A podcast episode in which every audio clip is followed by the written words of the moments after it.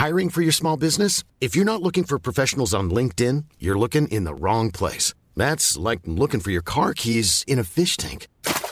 LinkedIn helps you hire professionals you can't find anywhere else, even those who aren't actively searching for a new job but might be open to the perfect role. In a given month, over 70% of LinkedIn users don't even visit other leading job sites. So start looking in the right place. With LinkedIn, you can hire professionals like a professional. Post your free job on linkedin.com slash people today.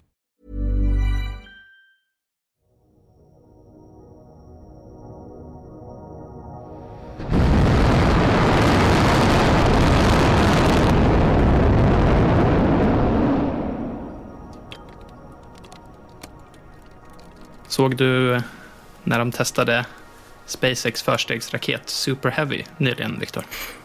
Nej, det gjorde jag faktiskt inte. Det är ju den liksom, boosterraketen som ska hjälpa till att ta rymdfarkosten Starship till rymden och liksom till Mars och sånt där i, i framtiden, i planen. Men den är, verkar ju svintung. Verkligen.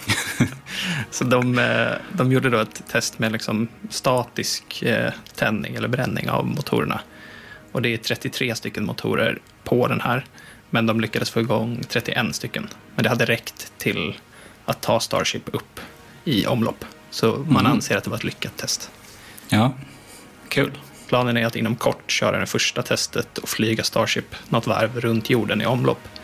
Eh, och det kan ske så tidigt som i mars. Så beroende på när det här avsnittet kommer så kan ju det ha skett.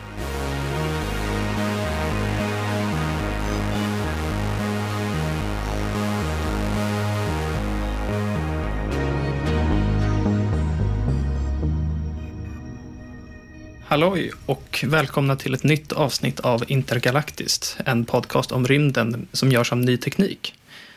Jag heter Bill Borå och med mig har jag Viktor Krylmark. Hallå? Har du gjort något kul på sistone? Nej, det kan jag verkligen inte påstå att jag har. har du det? Nej, så jag tycker att vi går vidare direkt med dagens ämne.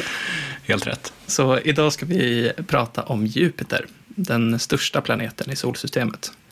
Eh, Det kommer bli lite bakgrundsfakta, lite mytologi och lite framtida forskning med rymdsonden JUICE som skjuts upp i april nu i år.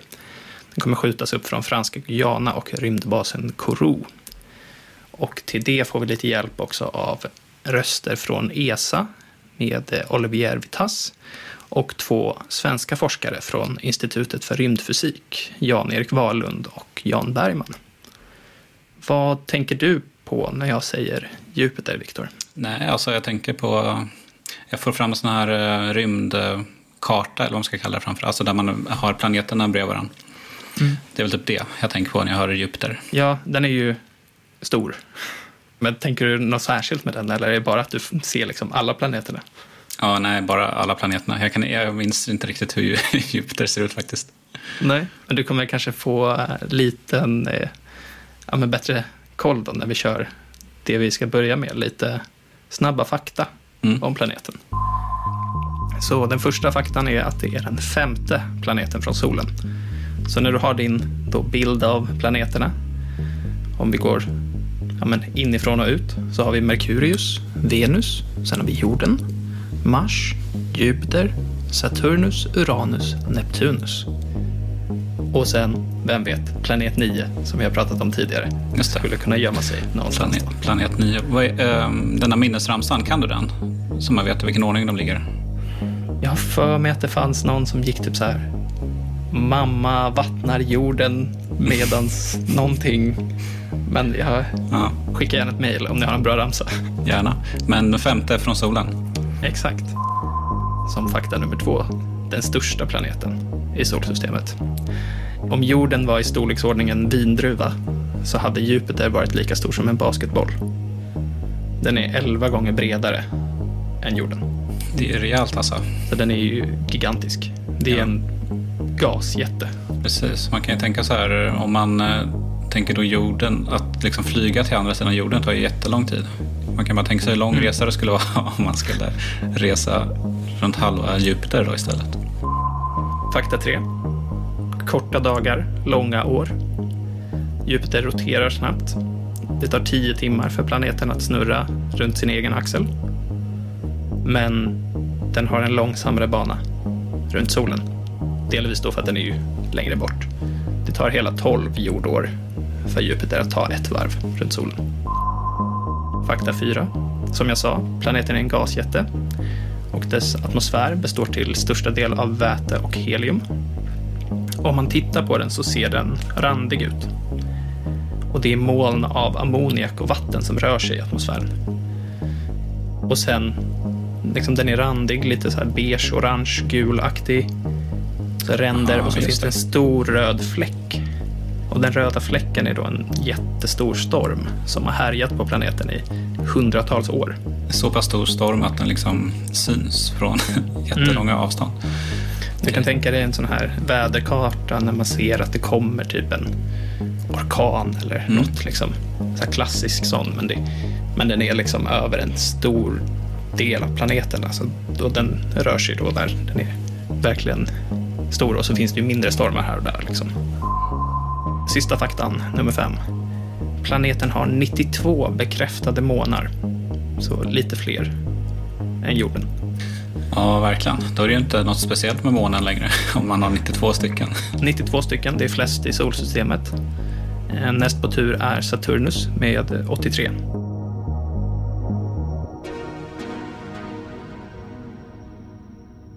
Om man hade jobbat på eh, så här, turistbyrå på Jupiter så hade man pitchat de här månaderna. De otroliga nätterna när man kan se 92 månader. Exakt, man behöver inte heller vänta då ja, men en månad som på jorden för att se liksom månens olika faser. Utan du har säkert, någon av månaderna är säkert i ja, men fullmåne, Mm. halvmåne, eh, de andra faserna som jag inte kan eh, varje dag liksom, eller Ja. varje natt. Någon som bara är som en liten skärva också. Ja, men, jag, ja, men jag, okej, jag köper det. Jag, det där vill man ju se. Yes, men vi kan ta lite bakgrundsfakta med och lite historia. Eh, gå längre bak i tiden och sen jobba oss fram tills idag och så kör vi lite forskning sen. Jupiter, det är en av de planeter som vi också kan se med blotta ögat. Och därför har den varit känd väldigt länge. Vet du hur de antika astronomerna kunde urskilja planeter från stjärnor? För om man bara går ut och kollar en natt så ser det ju ganska liksom, likt ut. En planet lyser ju ungefär som en stjärna. Eller ser ut att göra det. Det kanske var de var placerade eller något. Det det har att göra med är hur de rör sig över tid då.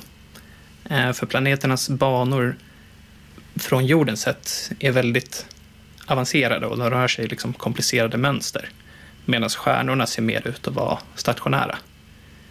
Så därför har man ju också tänkt sig den här, liksom, det finns ju teorier om att det har varit någon sorts eh, dom, där, eller så här, halvsfär, där stjärnorna bara har varit liksom fastsatta. Medan planeterna då rör sig runt omkring. Så på så sätt har man kunnat urskilja planeter från eh, stjärnor. Även förr i tiden, liksom, innan man faktiskt kunde se att det inte var stjärnor. Och det är fem planeter som syns utan teleskop. Och det är Merkurius, Venus, Mars, Jupiter och Saturnus. Mm. Visste typ inte att man kunde se det. Nej, om det är bara att gå ut och kika så kan man liksom, ja, men om man har en sån här stjärnapp, så Ja. kan man oftast så är det ju liksom de här väldigt starkt lysande prickarna. Eller i alla fall Venus brukar ju lysa starkt. Och Jupiter också. Eh, Så man kan få en ganska, liksom, förstå det ganska bra utifrån det. Och jag tycker mig att här, när man kollar mot Mars, att den har en liten rödaktigare ton än de flesta stjärnor Det där måste jag ju kolla upp. lite mytologi. Romarriket. Jupiter var en gud. Kan du gissa vilken gud Jupiter var? Gasguden. Det finns ingen gasgud, men Ja, det är en schysst gissning. ja. Nej, ehm, det var lite som eh, grekernas Zeus. Han var liksom gudarnas konung. ja. Och det här är ju liksom ganska rimligt om man tänker sig att planeterna var gudar, den största, då, starkaste. Hans hustru var Juno och tillsammans hade de barnen Mars och Vulcanus. Mm. Tycker det är synd att vi inte har en planet som heter Vulcanus. Det är, ja. Det kanske blir planet 9 som blir Vulcanus. Yes. Ehm, vi lämnar romarriket, tar ett hopp framåt i tiden. 1610. Då uppfinner den italienska astronomen, fysikern och ingenjören Galileo Galilei en sorts kikare.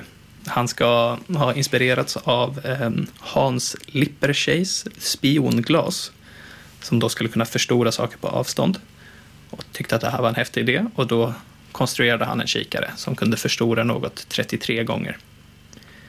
Och det låter ju ganska lite med dagens mått mätt. Man kan ju liksom göra jätteförstoringar ja. med de här teleskopen, men då var det ju helt revolutionärt. Och den här kikaren då vände han ju då bland annat mot rymden och himlen och han såg planeter. Han såg Jupiter och fyra av de största månarna. De galileiska månarna Io, Europa, Ganymedes och Callisto. Häftigt. Och det här kan man ju göra själv om man har ett tillräckligt bra teleskop. Det räcker ju om det bara är 33 gånger, uppenbarligen. Exakt. Då letar du fram Jupiter och sen, ja, du behöver ett ganska bra stativ skulle jag säga. Det är ju svårt att hålla en mobilkamera som zoomar lite bara mm. stabil om du försöker ta en bild. Men om du då ska kolla på en planet så är det väl bra att ha ett stativ. Ja. Ehm, men då kan du se de här eh, fyra månaderna, eller naturliga satelliterna som rör sig runt Jupiter. Då. Det är ganska häftigt. Vi hoppar framåt ännu lite till, några hundra år sådär. 1973. Rymdfarkosten Pioneer 10 blir den första farkost som flyger förbi Jupiter. Fyra år efter första månlandningen. Man måste ändå ha hållit på ganska mycket där, alltså, för Pioneer 10 det tyder på att det var nio stycken innan. ja, Hade de andra uppdrag? Vad gjorde de? Ja, det har man inte koll på. Efter det, 79, då åkte Voyager-sonderna förbi då upptäckte man att Jupiter också har ringar. Det är inget man tänker på liksom, när man bara ser planeten på de här bilderna som vi pratade om. Eh, där tänker man att Saturnus har de här jättestora ringarna. Mm. Men ja, Jupiter har också liksom mindre ringar då som har upptäckts. Man såg också ännu fler månar då, 79, och man märkte att Io, den galileiska månen närmast Jupiter, är väldigt vulkaniskt aktiv. Sen hände lite fler saker. Och sen kom en rymdsond som passande nog hette Galileo, som blev den första i omlopp kring planeten mellan 95 och 2003. Just det, men den, eh, den känner man ju igen. Ja, de, exakt vad de har gjort och så, det är alltid svårt att sammanfatta forskning av sådana här rymdsonder. För att när man tar sig till Jupiter, det är, liksom, det är långt bort, det är jobbigt att åka dit, man gör så mycket, det är så svårt att föreställa sig liksom, den mängd forskning som finns från de här olika rymdprogrammen. Så jag tänker inte ens försöka, för jag har inte heller läst om det. Um, men ja, den senaste farkosten som tog sig dit är NASAs Juno. Och Juno var ju Jupiters fru i romersk mytologi. Så Just det. passande namn även där. Den sonden kom fram 2016 och den har varit i en polarbana kring planeten och har avslutat sitt huvuduppdrag och har efter det gett sig in på liksom förbi, förbiflygningar av de här galileiska månarna. Och det här har dels varit för att göra ny forskning men också dels för att kunna ge ny information till lite kommande uppdrag. Och ett av dem är Europas och även Sveriges största rymdforskningsäventyr hittills. Och det heter JUICE. Mm. Aktuellt ju. Det är väldigt aktuellt. De har i februari flugit rymdsonden från Frankrike och Airbus-fabriken i Toulouse till rymdbasen i franska Guyana som ligger i Sydamerika.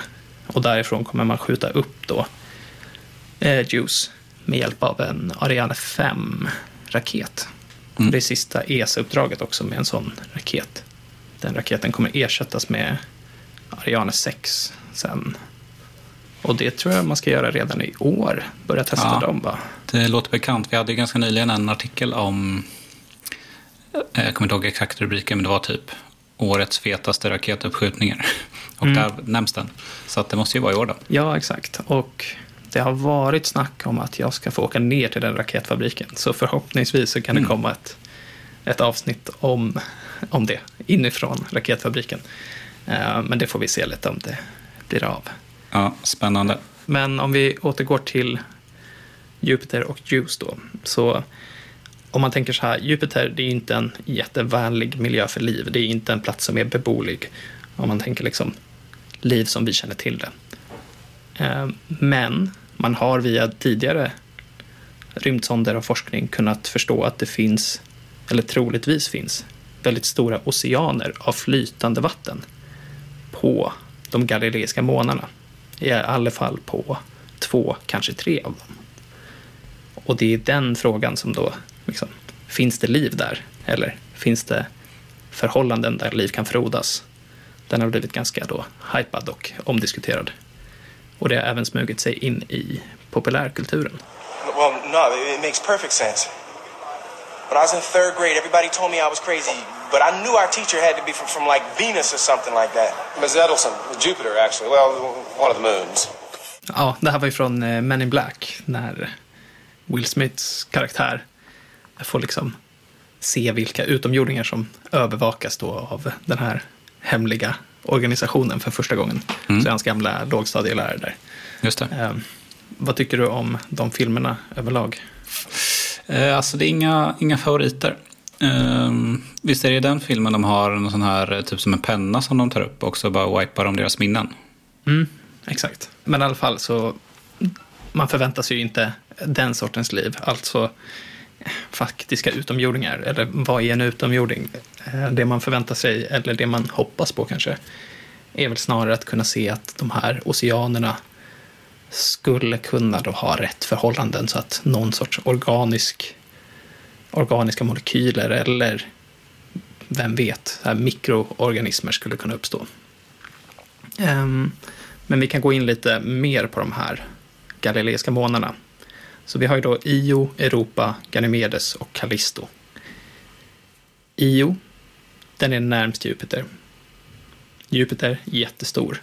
Så den har ju då en, ett väldigt starkt gravitationsfält runt sig. Så den här månen som är väldigt nära påverkas väldigt, väldigt starkt. Och det gör också att den är väldigt geologiskt aktiv. Mm. Så det är liksom rörelse, det är, man kan tänka sig att den liksom i sin bana på något sätt trycks ihop lite så här. Från att vara en svärd till lite rugbyboll och lite fram och tillbaka. Mm. Um, och den har också väldigt, väldigt många aktiva vulkaner.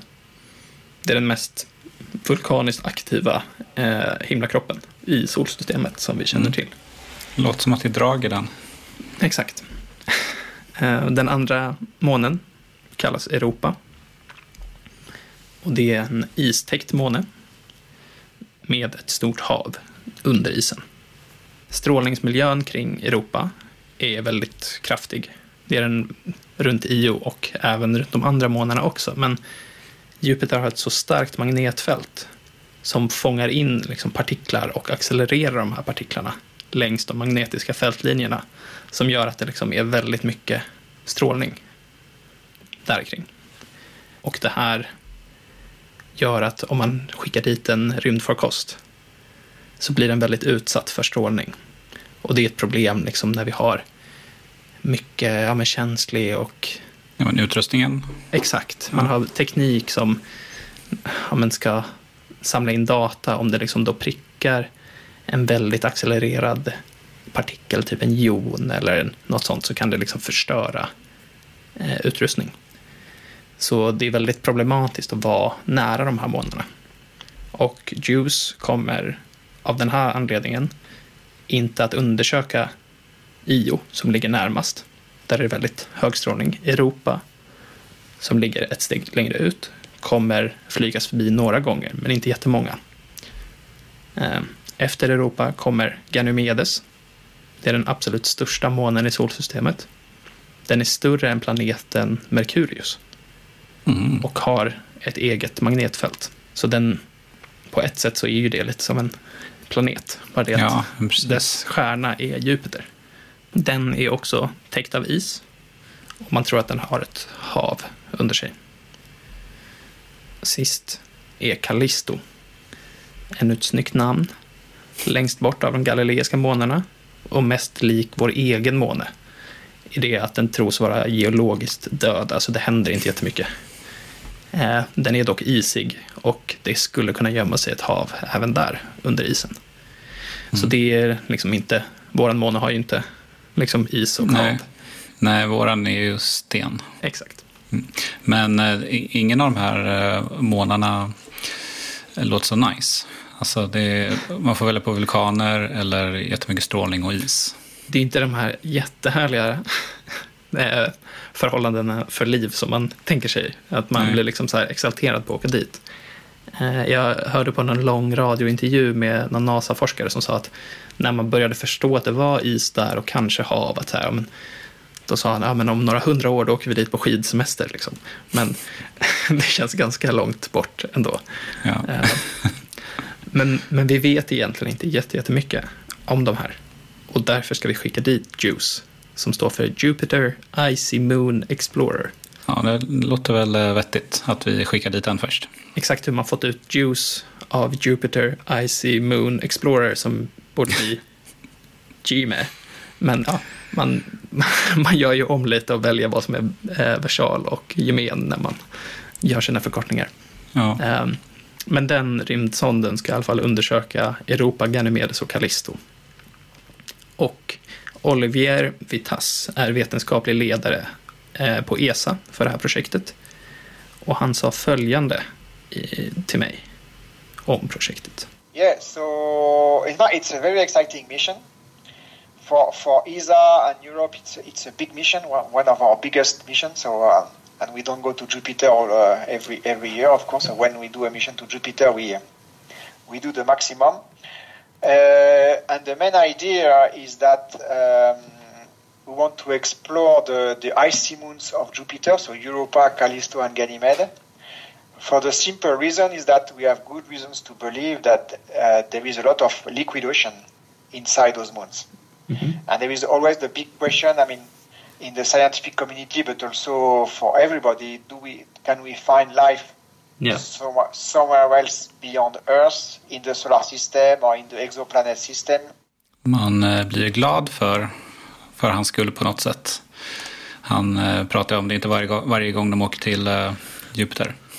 Nej, exakt. Jag tror att han är väldigt exalterad. Han, han var otroligt glad när vi pratade och jätte, liksom, ja, men taggad på att det här nu ska bli av. De har hållit på med det här väldigt länge och liksom byggt på den här rymdsonden och så. Och det är ju ett väldigt stort rymduppdrag då. Och det är inte så konstigt för att ja, men, lägger man pengarna på att skjuta upp en rymdsond för att den ska ta sig hela vägen så är det lika bra att, som man säger, do the maximum. Precis. Så som man säger, som vi också har pratat om, vatten verkar finnas och liv behöver vatten, vad vi vet. Man får se om det gömmer sig något sorts mikroskopiskt där eller om det finns då tillräckligt gynnsamma förhållanden för det under isen. Som jag sa så skjuts Juice upp från Kourou i franska Guyana i mitten av april. Och resan till Jupiter och månarna, den tar hela åtta år. Så vi kommer inte få några resultat liksom, ja men, under året eller nästa år eller så, utan det kommer ju dröja lång tid. Hur blir det då med... Skickar den tillbaka data eller måste den liksom komma tillbaka? Nej, så när den väl är där så har den ju liksom då radiosändare för att skicka data till oss och den Ja. datan kommer skickas tillbaka. Jag tror att det var så här att det är den samlar in data med tio olika instrument. 16 timmar om dygnet och sen 8 timmar skickas det tillbaka data. Ehm, Så det, dygnet är lite uppdelat. Men vissa av instrumenten kommer samla in kontinuerlig data för att det är så liksom deras forskning fungerar. Men det är lite olika. Så den, den kommer ju vara där borta och skicka då tillbaka data eh, i form av liksom, radiovågor eller så. Men för att den fysiskt ska kunna ta sig dit så på grund av att man skjuter upp den med en Ariane 5-raket så kan man inte få en så här jättestark skjuts. Eh, utan man behöver då förbiflygningar förbi både Venus och jorden för att liksom så här gravitationsslingor, eller vad det kallas på svenska, för att då få upp farten, för att kunna ta sig hela vägen bort. Man får hoppas att, eh, att den eh, kommer kunna upptäcka alla tecken på liv då? Eh, du skrev en artikel här om våra rovers på Mars som inte mm. Kan se alla de här tecknen utan det måste liksom skicka tillbaka jord till jorden. Så att vi Exakt. kan analysera det här. Det som kommer hända är ju mest att man kommer försöka se ja, men det, det är olika instrument på den här sonden. Några för att ta bilder och ta liksom topografiska mätningar eh, och sen några för att liksom undersöka de elektromagnetiska fälten. Vi kommer komma in lite på dem, för de är svenskbyggda, eller i alla fall svenskledda. Men man kanske inte kommer kunna säga liksom, ja, det finns mikroskopiska organismer. Man kanske kommer kunna säga haven är så pass salta eller så pass osalta att liv kan eller inte kan uppstå. Så vi kanske ändå inte får något direkt svar, utan det är först kanske vid nästa uppdrag då man åker dit och landar som man kan ta sådana prover. Men ja, som du säger så även om det finns så måste man ju också ha lite tur med att man dels letar på exakt rätt ställe, ja. om det inte är väldigt utbrett på en himlakropp. Och så måste man ju ha sensorer som finns där på den här roboten som är tillräckligt bra för att kunna läsa ut att det faktiskt finns. Ja, precis. När sonden väl är framme så kommer den då undersöka de här tre månaderna under ett gäng förbiflygningar. Den kommer sen att lägga sig i omlopp kring Ganymedes, den största månen, och sen krascha in i den 2035, tror jag det var. Och just Ganymedes är lite extra intressant då den har ett eget magnetfält också. Så här sa Olivier. We have Ganymedes, so that's very, very special uh, body. So on Ganymede we have a big moon. We have the subsurface ocean, kind of activity, or there have been some activities in terms of geological activity in the last billion years. So it's not a dead moon, and we have a magnetic field. So that's why Ganymede was a very interesting target for us. And it, we could go there because of the less radiation yeah. environment, le- less hostile environment. So, okay, so if we have a magnetic field, we have some sort of magnetosphere, I guess, which could then protect against some cosmic radiation. And who knows? Yeah. exactly. We need to check. It's a, it's it's not a magnetic field like on Earth. It's not very big, but it's there. So uh, it's very interesting to, to study the, how this magnetic field could uh, protect or how the, this small magnetosphere interact with the, the big magnetic field of Jupiter, uh, the radiation environment, the liquid water inside. So yeah, we need to study that in detail and it's quite uh, fascinating I think. Hängde du med? Ja, hyfsat. Nej, men så det är i alla fall så här då att det, det är inte lika stark och skadlig strålning som i Europa. Det är bra. Det finns geologisk aktivitet, det finns antagligen ett hav. Och så finns det det här magnetfältet då som kan skydda månen lite från den strålning som finns. Så ett magnetfält, till exempel det som vi har på jorden, när det kommer partiklar i solvinden så fångas ju det upp i magnetosfären och kan då inte typ slå bort atmosfären eller skada oss här nere. Utan det är liksom, vi har som en, en skyddande sfär som inte är riktigt sfärformad utan den får ju en konstig form då av att solvinden liksom blåser på den. Um, och det blir lite samma här.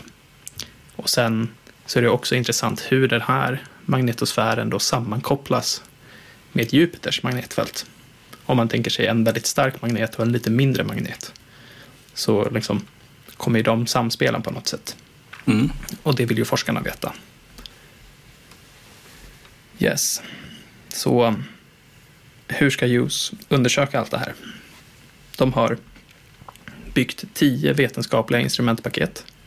Som har liksom, det är globalt samarbete. Det har varit byggen i Europa, det har varit byggen liksom i USA, lite här och där. Väldigt mycket intresse för det här, självklart. För som man sa, vi åker inte till Jupiter varje dag.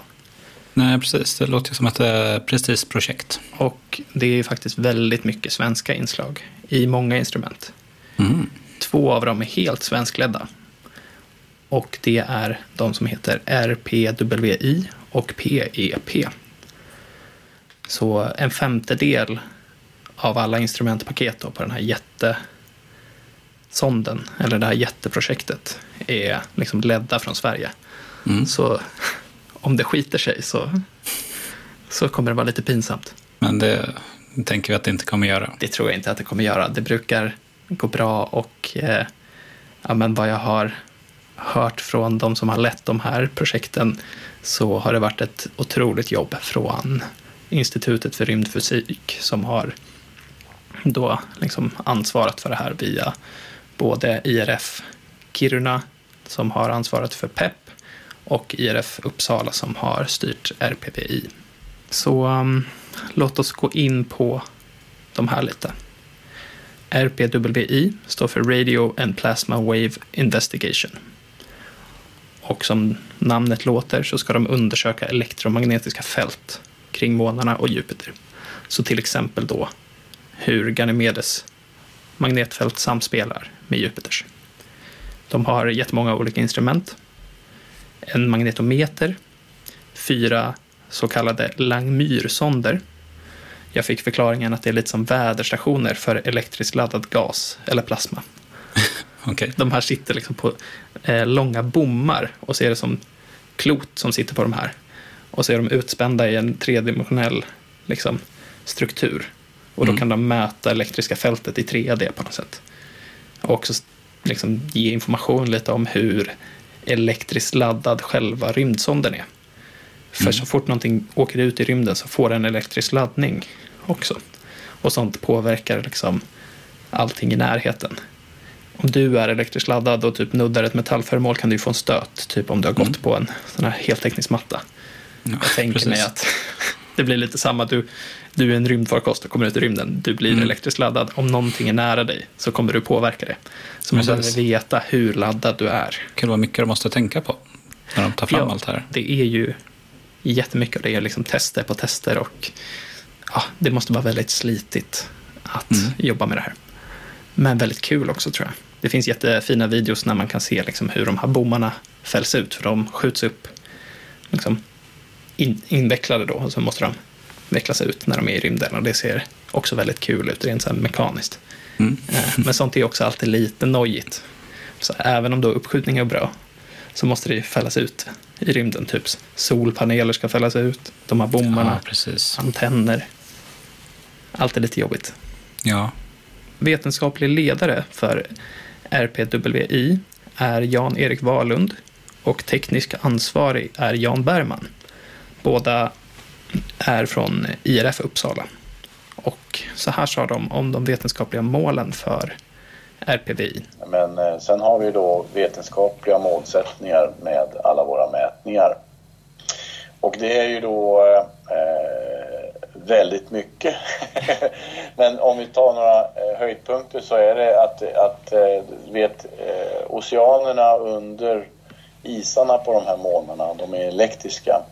Okay. Eh, det är salta hav, så de eh, elektrolyter kan man säga. Och då går det elektriska strömmar när de strömmar. Och eh, det där ger ett magnetfält som sen proppar, utbreder sig utåt i omgivningen. Och ger en, en, faktiskt en, vad vi kallar en alvenvågstörning Som går ut i bana. Och där finns vi med JOS och våra mätningar och då kan vi se den här störningen. Och genom att mäta den här störningen på mycket låga frekvenser är då, då kan vi ehm, bestämma, eh, ja, för det första att upptäcka att det finns hav under och hur djupt ner de ligger lite. Men framförallt så mäter vi konduktiviteten på de här haven och hur de strömmar.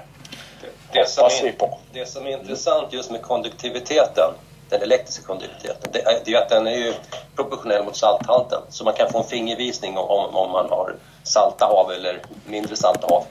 Och det i sin tur kan ju också ge en liten hint om det finns möjlighet för beboelighet.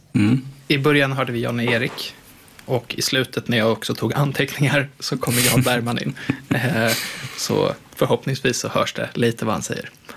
Tycker att det låter rimligt det här med salthalten? ja det är precis. Men det var väl det han sa. Det ger en fingervisning om ifall det är beboeliga hav eller inte. Exakt. Man kan ju bara tänka typ men på jorden, döda havet. Det är väl det saltaste. Ja, Och det heter ju döda havet. Så lite salt är väl bara bra. Men Ja. I, inte för mycket. Nej, precis. Så um, de kommer göra sådana här magnetfältsmätningar alltså, och lite andra coola saker. Bland annat så kommer de försöka mäta hur tjocka isarna på månarna är. Men eh, kring Jupiter så är det ju som sagt en väldigt tuff strålningsmiljö. Och det finns plasma, elektriskt laddad gas där.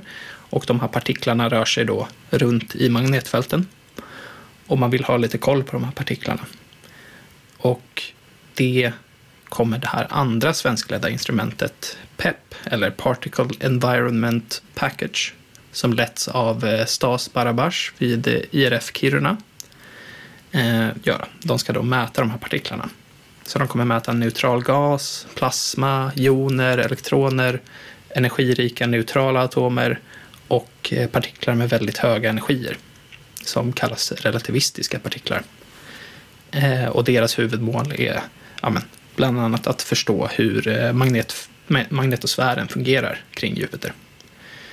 Så det här påverkar liksom de här instrumenten kommer samspela ganska mycket. För elektromagnetiska fält och hur partiklar rör sig i dem, det, det hänger ihop på väldigt många nivåer. Och PEP till exempel behöver informationen om hur laddat rymdsonden är och RPWI behöver information om vilka partiklar som är var. Så det blir ett schysst liksom, samarbete mellan de svenska instrumenten men också mellan de övriga.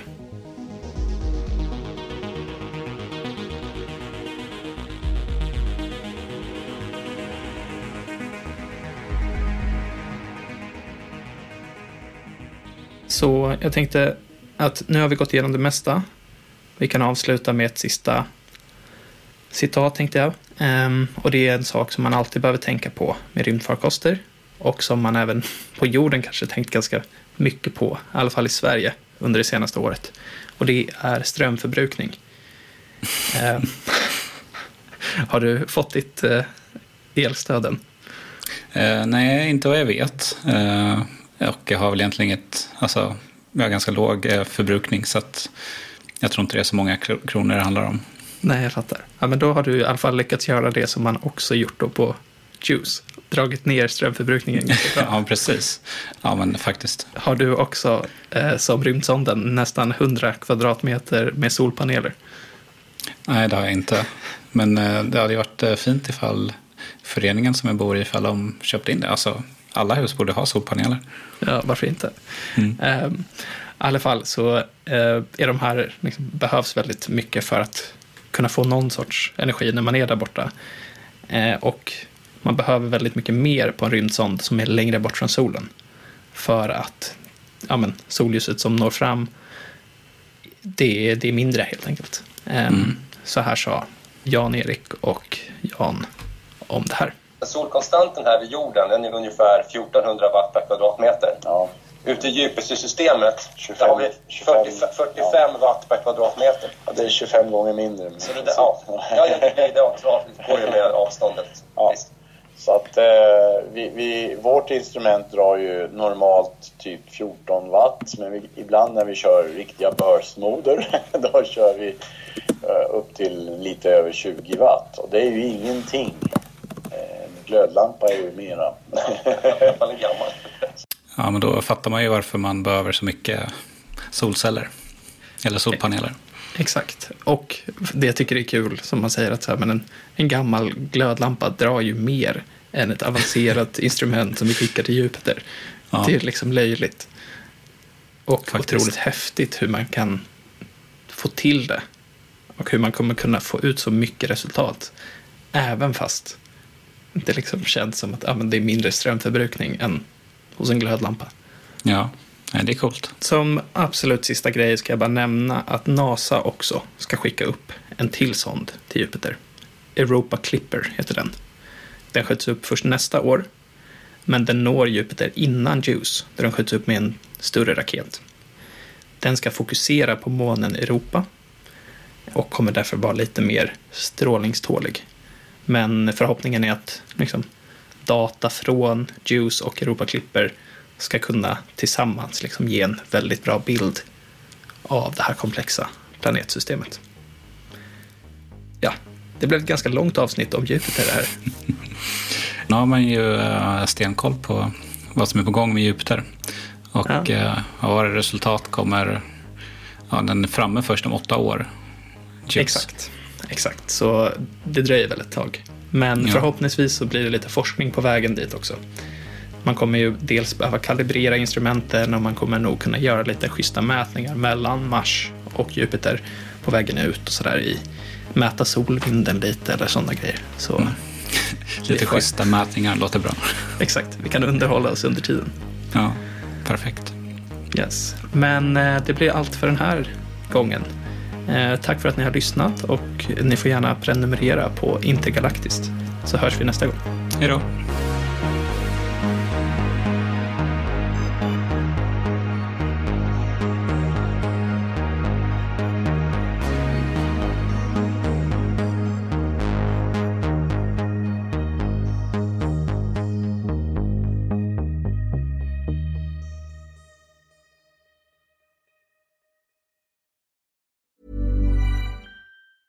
Even on a budget, quality is non-negotiable. That's why Quince is the place to score high-end essentials at 50 to 80% less than similar brands. Get your hands on buttery soft cashmere sweaters from just 60 bucks, Italian leather jackets, and so much more. And the best part about Quince, they exclusively partner with factories committed to safe, ethical, and responsible manufacturing. Elevate your style without the elevated price tag with Quince. Go to quince.com slash upgrade for free shipping and 365-day returns.